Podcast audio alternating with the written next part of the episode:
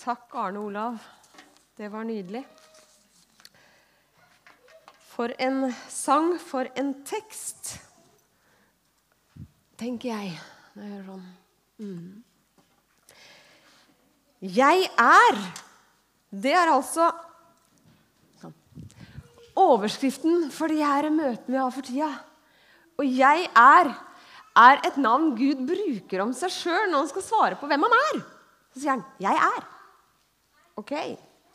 Så hvordan er egentlig denne Gud som sier 'jeg er'? Og er det noen han har et særlig øye til? Og i så fall hvem er så det, hvis han har et særlig øye til noen? Er liksom, ja. I dag skal jeg være litt personlig og si litt om min egen vei i dette landskapet her. Jeg håper dere tåler det. For livet mitt fram til i dag har vært, har vært noen sånn berøringspunkt da, opp igjennom som gjør at jeg er her jeg er i dag, som, er, som gjør at jeg er den jeg er i dag. Og ikke minst hva jeg jobber med i dag. Og i dag jobber jeg altså her i kirken.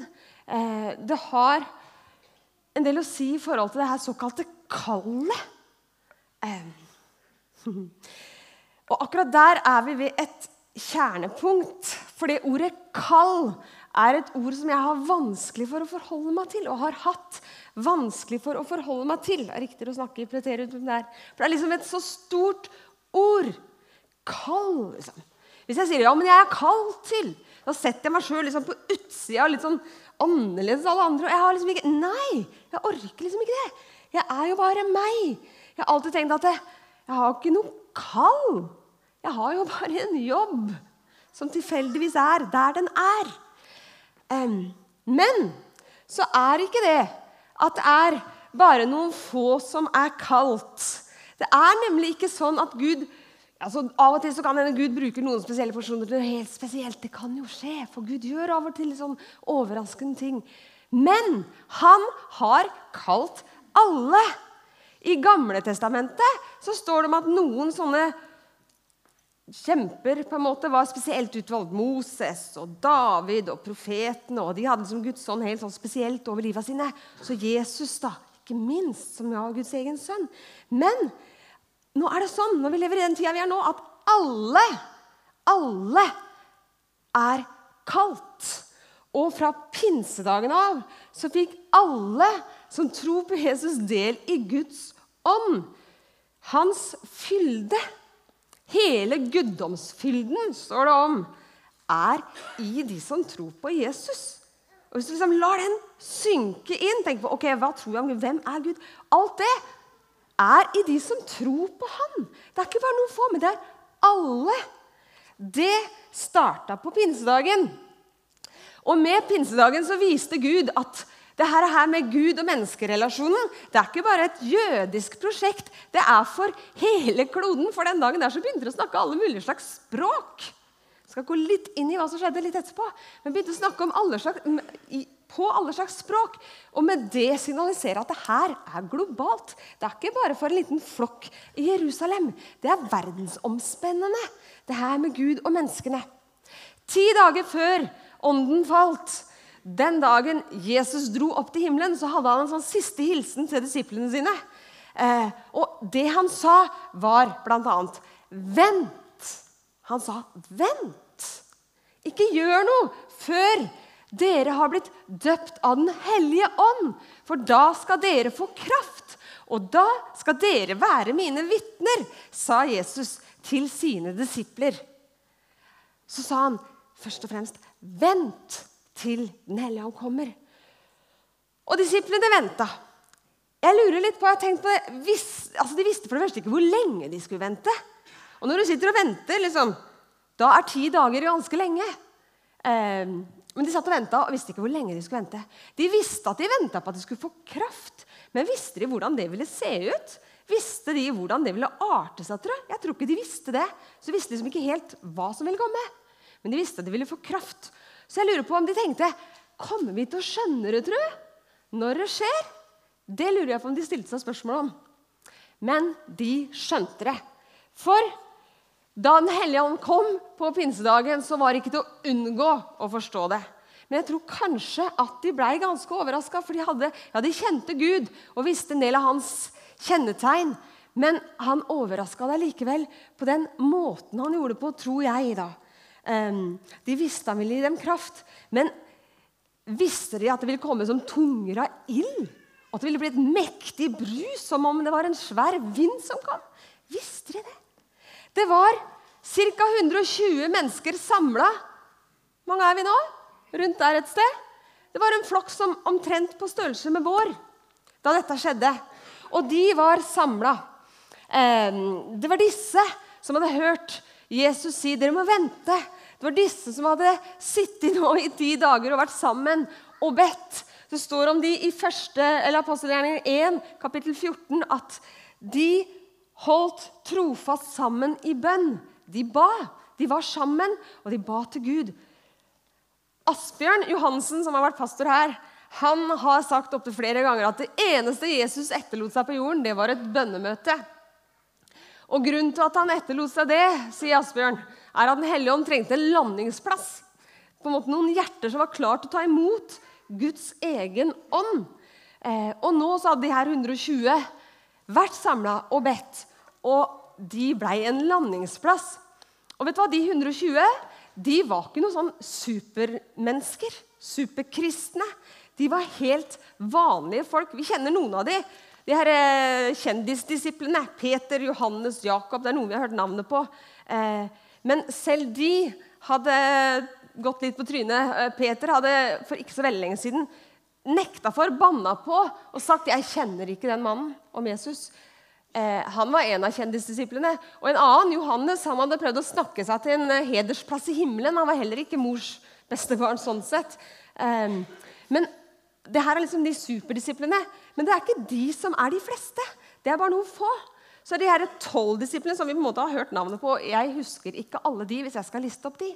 Så De var ikke noen supermennesker, de var helt vanlige folk. Men de aller, aller fleste den dagen, blant de 120, var anonyme. Vi vet ikke navnene på det engang.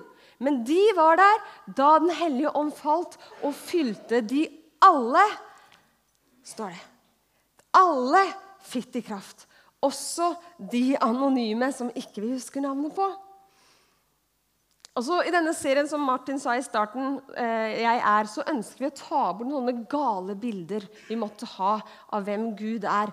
Og jeg tror at et sånt bilde som vi kan ha som kan være galt, er at vi tror at Den hellige ånd er for helt spesielle folk. De som er litt sånn spesielt spirituelle, kanskje, som går litt sånn har blikket litt sånn retta oppad og ber hele tiden og svever nesten bortover bakken. Men vet du hva? Den hellige ånd er for alle som tror på Jesus. Enten du tror lite eller du tror stort. Den hellige ånd er for alle. Gud ønsker å fylle oss, hver og en av oss, og han ønsker å gi oss kraft til å gå inn i den dagen som akkurat du har, akkurat din hverdag, til å leve akkurat ditt kall der du er. For noen av oss så innebærer det å jobbe i en menighet. Men det er jo de færreste som jobber i en menighet. da. De aller fleste er vanlige folk som har skikkelige jobber. Eh, de aller fleste er vanlige folk. Og det er oss, flert, altså alle, Gud har kalt. Dette kallet handler ikke om utdannelse eller hva man jobber som. Det handler om hjertelag, om innstilling. Det handler om et ønske om å tjene Gud med de gavene han har for akkurat deg i din hverdag. Og jeg tror at Hvis vi tok Jesus sin oppfordring på alvor om å vente og la oss fylle med hans kraft og være hans vitner, ja, da tror jeg jammen at mye ville ha begynt å skje i denne verden. Det er jeg overbevist om, faktisk.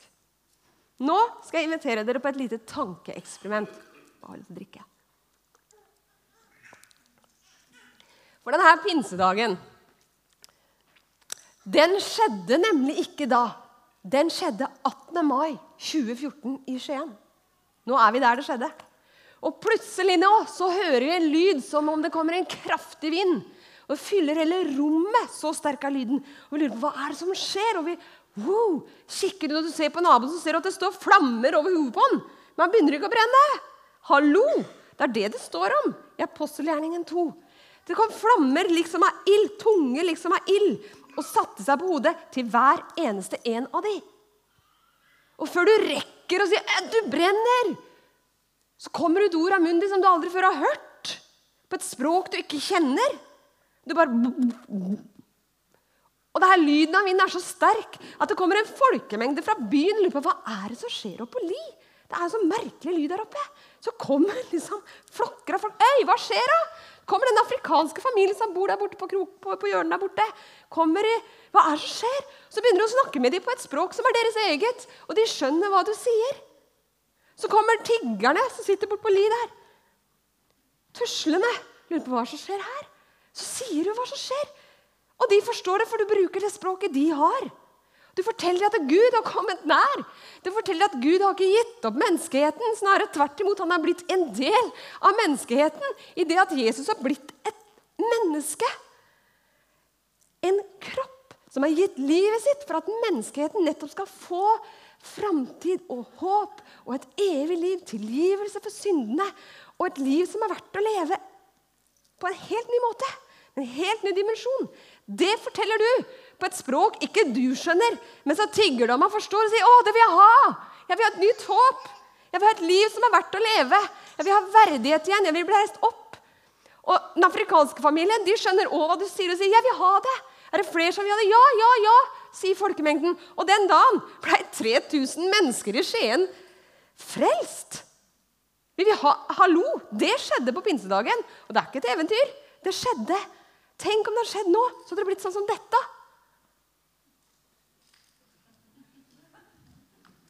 For det var nemlig forutsagt. Eller dette. Den dagen ble 3000 døpt. Det var ikke noen dåpssamtaler her, nei. Her, tror du på Jesus? Ja, ok, vi går på Bakkestranda. 3000 mennesker på en dag. Eller sånn som dette. Ok, det er mer enn tiddobbel. Det er litt journalistisk frihet. Det var ikke full tidobling, da. 3000 pluss 360. Vi er 360 eller noe sånt. Nei, mange er vi egentlig? Ja, det er ikke fullt tre. Nesten, nesten tidobling, da. Men jeg har vært journalist, så jeg lider litt av det. Så vi må ljuge litt til overskriftene. Poenget var at det skjedde store ting sånn den dagen. Mange mennesker, når de hørte evangeliet forkynt på sånn måte at de skjønte det, da sa de det er klart jeg vil ha det. Og der, dere, har vi som kristne en jobb å gjøre. Og Hvis du er her nå og ikke har en kristen tro og vet ikke helt hva du tror, og sånne ting, så vet du hva? Jeg har lyst til å si unnskyld på vegne av kirka for alle de dumme orda som kommer ut. For alt det dumme som blir sagt, som forvrenger bildet av Gud. For han er så bra. Han er så bra. Og han har kommet nær og vil at hver og en av mennesker på denne kloden skal bli kjent med ham, for han har liv nå og i evigheten. Han har tilgivelse for syndene, han har oppreisning. Han vil gi oss håp. Det her, her skjedde den dagen på pinsedagen. Jeg tror at Gud er den samme nå som han var da. Han kan gjøre det igjen. Han kan gjøre det igjen. Og vet du hva? Hver og en av oss som har en liten eller større tro på Jesus, har Guds ånd i oss. Vi kan bare begynne å ta det ut. Så tror du da kanskje som ikke har en tro at vi er jo klin kokos gærne, som faktisk tror at dette er sant. Og det skjønner jeg. Men eh, det trodde de på pinsedagen òg. Eh, den dagen når det her skjedde, så, så ble, var det mange som gjorde narr av De der de er jo fulle midt på lysedagen. Og de sa vet du hva, klokka er ikke tolv engang. Vi har ikke drukket noe. Vi er ikke fulle, vi er klinka edru. Det, det som skjer nå, det er Gud som gjør. Han gjør det her. Eh, det er ikke tull. Du tror kanskje, og ser ut kanskje at det her med Jesus virker rart. Men vi som tror på han, vi har erfart han er den han sier seg å være. Vi har opplevd. Han gir trøst. Vi har opplevd Han gir håp. Vi har kjent at vi kan legge av det som tynger, og gå videre i livet vårt fordi han har tatt det som er vanskelig. Han har gitt livet for oss, og vi har opplevd at han er en sann Gud. Er ikke bare en fortelling. Det er ekte vare. Og derfor så kan jeg stå her og snakke som jeg gjør nå. Men jeg tror at vi har utrolig mye å ta ut da, av denne kraften fra Den hellige ånd. Jeg tror vi har så mye ubrukt kapital. Igjen hele guddomsfylden. Ok, Hva betyr det? Guddomsfylden er et merkelig ord. Men ok, hvis det er Gud, da. Alt som er Gud. Eh, han som har skapt alt. Han som har eh, eh oppreist Jesus fra de døde. Han som har ut av ingenting liksom sagt 'bli lys', og 'the big bang', eller hva det var for noe, satte i gang og begynne å Han skaper ennå. Universet vokser og vokser og vokser. Han skaper hele tiden. Alt det er Guds fylde. Og det bor i meg. Det er jo mind-blowing så det holder. Um, og da tenker jeg at jeg tar ut all den krafta til daglig. Men det inviteres vi til å gjøre. Det var en bodybuilder som sto litt sånn og ble Han sto og krappa seg, da. Jeg er ikke så god på det. altså, um, han sto og krappa seg og ble spurt hva bruker du muskelen din til. Så bare mm, var han videre der, da.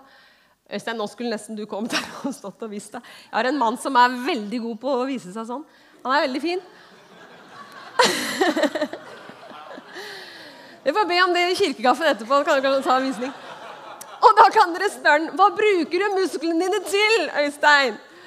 Og da står han videre og viser seg fram. Hva bruker du musklene dine til? Han her bodybuilderen ble spurt tre ganger. Gikk ikke noe satte seg. Han hadde ikke noe svar å gi. Han brukte ikke muskelen sin annen til å vise seg fram. Det er lyst til å spørre oss, da, kristne mennesker som tror på Jesus, hva bruker du krafta til? Hva bruker vi krafta til? Tar vi den ut og bare har sånn show-off og uh, litt sånn? Eller bruker vi den i hverdagen vår? Lever vi i troa vår og ber Gud, Herre, led meg på din vei, led meg til de jeg skal snakke med. La liksom, altså, la, la, han på en måte være i hverdagen din. da. Lede deg på de ting, og store tinga. La de menneskene rundt deg få merke hvem Gud er i ditt liv. Så tenker du at ja, men jeg tør jo ikke å snakke om Jesus. vet du hva? Hvis du bare tør litt, så er Gud sånn at han gir ettersom vi trenger. Det er det som er så fantastisk. Vi får ikke heller, vi erfarer liksom ikke før vi tar skrittet, at det bare, men idet du tar skrittet, så bærer det. Det var en mann som sa en gang som jeg hørte på, som sa kraft, han var svensk. Kraften fins i stegen. Og det, var, det, er helt sant, tror jeg. Kraften fins i stega vi tar. Da bærer det. Vi kjenner at det går. Så kallet til å bli fylt av Hans ånd, til å leve i Hans kraft, det gjelder alle mennesker. Enten vi har en sånn eller sånn jobb, da. Enten vi eh, er her eller der. Alle de første kristne fikk altså Den hellige ånd på pinsedagen. Og så ble alle forfulgt, står det. I Apostelens gjerninger 8, bare seks kapittel etter, så står det at det kom en kraftig forfølgelse.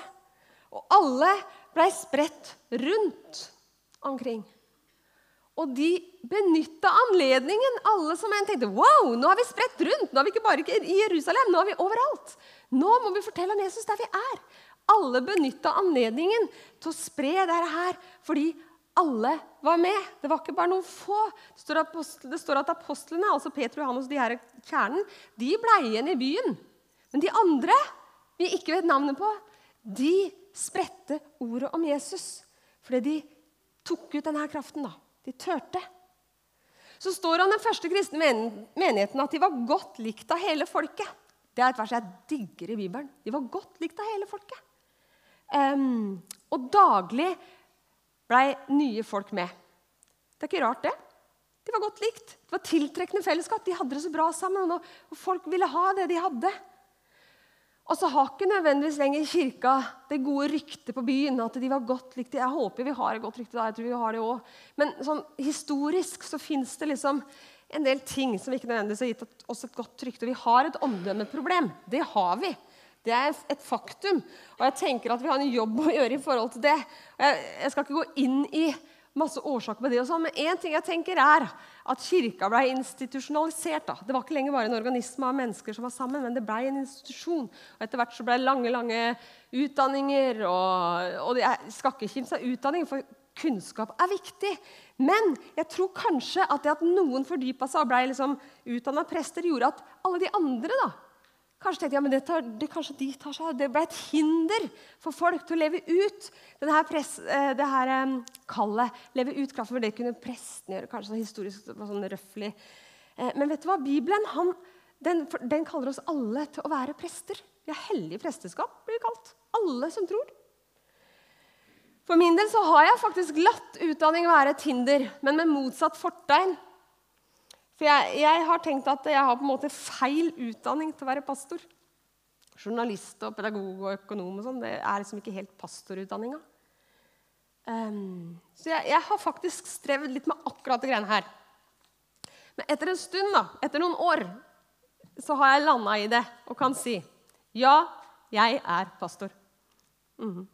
Det føles fortsatt litt kleint rart å si det, faktisk. skal jeg være helt ærlig. Men jeg er det. Um, og jeg prøver å ikke la utdanninga mi være til hinder for det.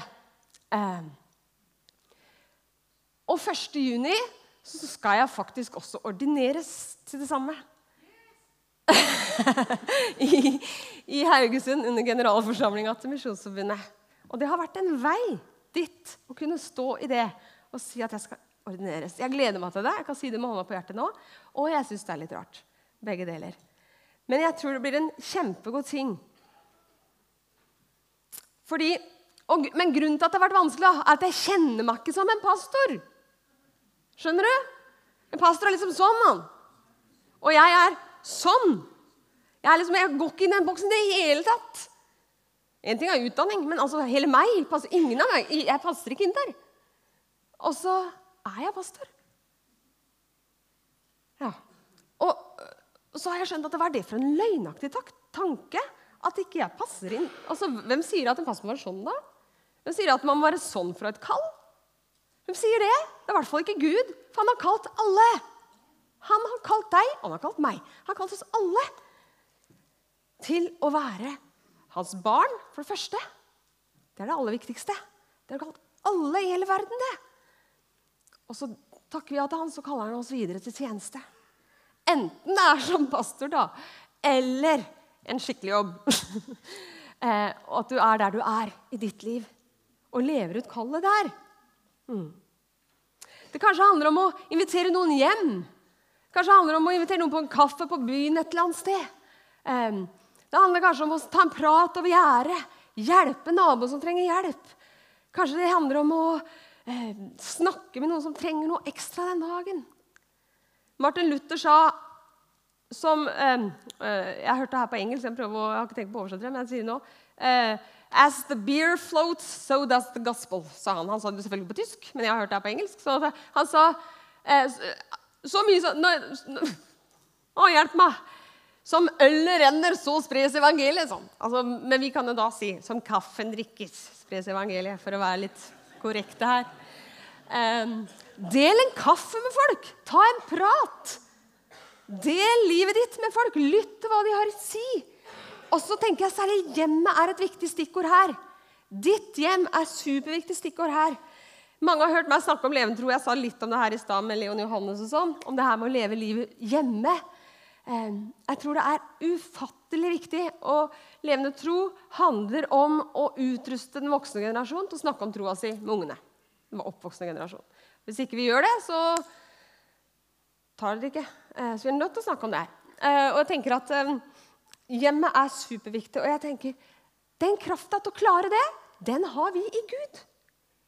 La han lede deg til å si hva du skal si til ungene dine, til naboene dine, kollegaene dine osv. Så, videre. så tenker du ja, men jeg vet jo ikke hva jeg skal si. Nei, det er ikke sikkert du vet det. Men idet du begynner Kraften finnes i steget. Så vil han gi deg ord i rett tid. Jesus har lova det. Ikke bekymre deg for hva du skal si. Den hellige ånd vil komme dere til hjelp. Så gir han frimodighet. Peter, den dagen på pinsedagen, han hadde da altså noen uker i forveien sagt jeg kjenner ikke Jesus. jeg vet ikke hva du prater om. Den dagen her så står han fram for 3000 mennesker, eller flere folk, da, men 3000 av de sier ja. jeg vil ha det du snakker om. Han fikk en frimodighet som var helt ny. Det er noe i det her med Den hellige ånd. Han gir kraft, og han gir gaver. Nådegaver kalles det i Bibelen. Både de åndelige gavene, som tungetale, profetisk tale og sånne ting, men òg de praktiske nådegavene hjelpe hverandre. Alt det her jeg snakker om nå. Det å være til stede i hverandres liv. Ha barmhjertighet, være oppmuntrende. Det er gaver gitt av Gud som han ønsker at vi skal dele og bruke. Sånn at hans menighet blir den kroppen vi er ment å være. En kropp som fungerer. Hvor alle lemmene er liksom i funksjon. Så det ikke beinet ligger der og er lam, men at det faktisk går. Ja, det tror jeg på. Og en menighet som funker sånn, er fantastisk. En menighet som blomstrer sånn, og lar liksom Hans ånds gaver bare florere da, og være levende. Da, det får mennesker til å blomstre og får Guds rike til å vokse. Og nye mennesker blir tiltrukket av deg og sier 'Det der vil jeg jammen meg ha'. Bill Hybels han sier at den lokale menighet er verdens håp når den fungerer som den skal. Og jeg tror det er sant. Jeg tror det er sant.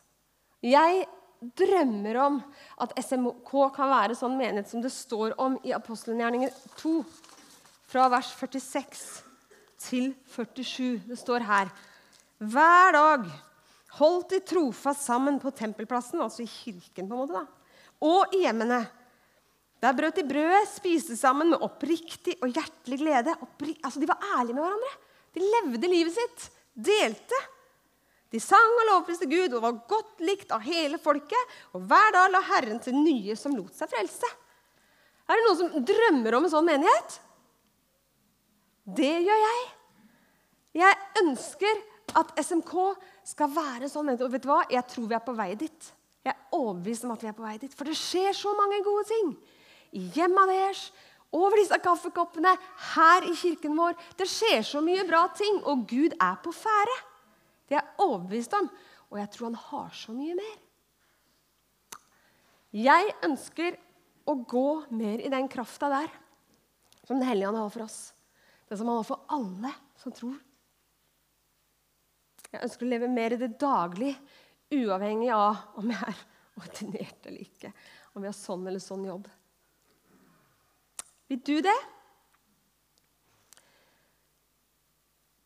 Kanskje du tenker at jeg kjenner jo ikke, jeg vet ikke hvem Jesus er engang. jeg kjenner ikke. Vet du hva? I så fall så utfordrer jeg til å teste han ut. Snus bortpå han. Finne ut hvem er det han er du snakker om her. Tror Han er bra. Han er Guds sønn. Og hvis det var en løgn, så var han gæren. Og da er alt det vi snakker om, bare tull. Men hvis det var sant at han var Guds sønn, da gjør vi rett i å lytte når Gud, når sjøl taler. Mm. Og Han utfordrer oss og inviterer oss til å ta imot hans kraft. Nå skal vi reise oss sammen. Så skal vi be litt sammen. Og Hvis du ønsker å ha mer av denne kraften og ta ut mer av den muskelkraften, da, for å kalle det så inviterer jeg deg til å bli med i den bønnen her i hjertet ditt. Og Hvis du aldri før har bedt til Jesus, så inviterer jeg deg til å gjøre det samme. Bli med i bønnen i hjertet ditt. Eh, og Hvis du tenker at jeg har lyst til å vise med kroppen min at jeg vil ha den krafta Jeg vil takke for at jeg allerede har fått Den hellige ånd i hjertet mitt. Og jeg vil si at jeg ønsker å ha mer av deg, Gud. Jeg vil ha mer av din kraft i hverdagen min. Da har jeg lyst til å invitere deg til å komme fram og vise det fysisk med kroppen din. Og hvis du tenker at eh, jeg trenger forbønn i det greiene her, jeg trenger hjelp, til, jeg, jeg, jeg, trenger at noen ber om at jeg skal få mer av den kraften, så kan dere gå bort til hjørnet her framme, og så er det forbedere der og kan be for deg. Eller hvis du tenker at jeg har lyst til å bare knele for Jesus, Guds egen sønn, og si 'her er jeg'. Du ønsker å bare være aleine i det, på en måte, så går det an å knele ned på knelebenken bakerst i kroken ved korset bak der. Og være stille innenfor Gud med deg selv. um, men nå, ja, nå, skal jeg be litt, og så og synger vi mens vi kan gjøre det forskjellig sånn. Gode Gud, jeg vil takke deg for at du inviterer alle inn til deg. Takk at din kraft er for alle. Takk, Hellige Ånd, for at du fyller enhver av oss med deg selv. Og jeg ber gode far om at du skal hjelpe oss til å ta ut den krafta du har for oss. Hjelpe oss til å ta ut det du har for oss, så at vi ikke bare brenner inne med det. Det er så mye du har for oss, Herre. Og jeg ber om nåde til å, å på en måte sette oss sjøl litt sånn side. La oss vente på deg, så du kan fylle oss, Herre. Jeg ber om det. Så be om, Hvis det er mennesker her som ikke kjenner deg, så ber jeg om at de skal få Du, Hellige Ånd, skal vise dem hvem du er. Um, at uh, vi kan forstå i hjertet hvem du er. Jeg ber om det, Jesus. Takk at du, gode Jesus, ga livet ditt for at vi skal få lov til å leve evig. Du tok straffa for alt gale vi måtte ha gjort for at vi skulle få leve. Jeg takker deg for det. Takk at du overvant døden, ble levende igjen, og vi kan stole på at det du har å si, er sannhet. Takk for at det du har for oss, er godt. Alle dine gaver er gode. Takk at vi kan ta imot dine gaver, Jesus. Det ønsker vi å gjøre nå. I Jesu navn. Amen.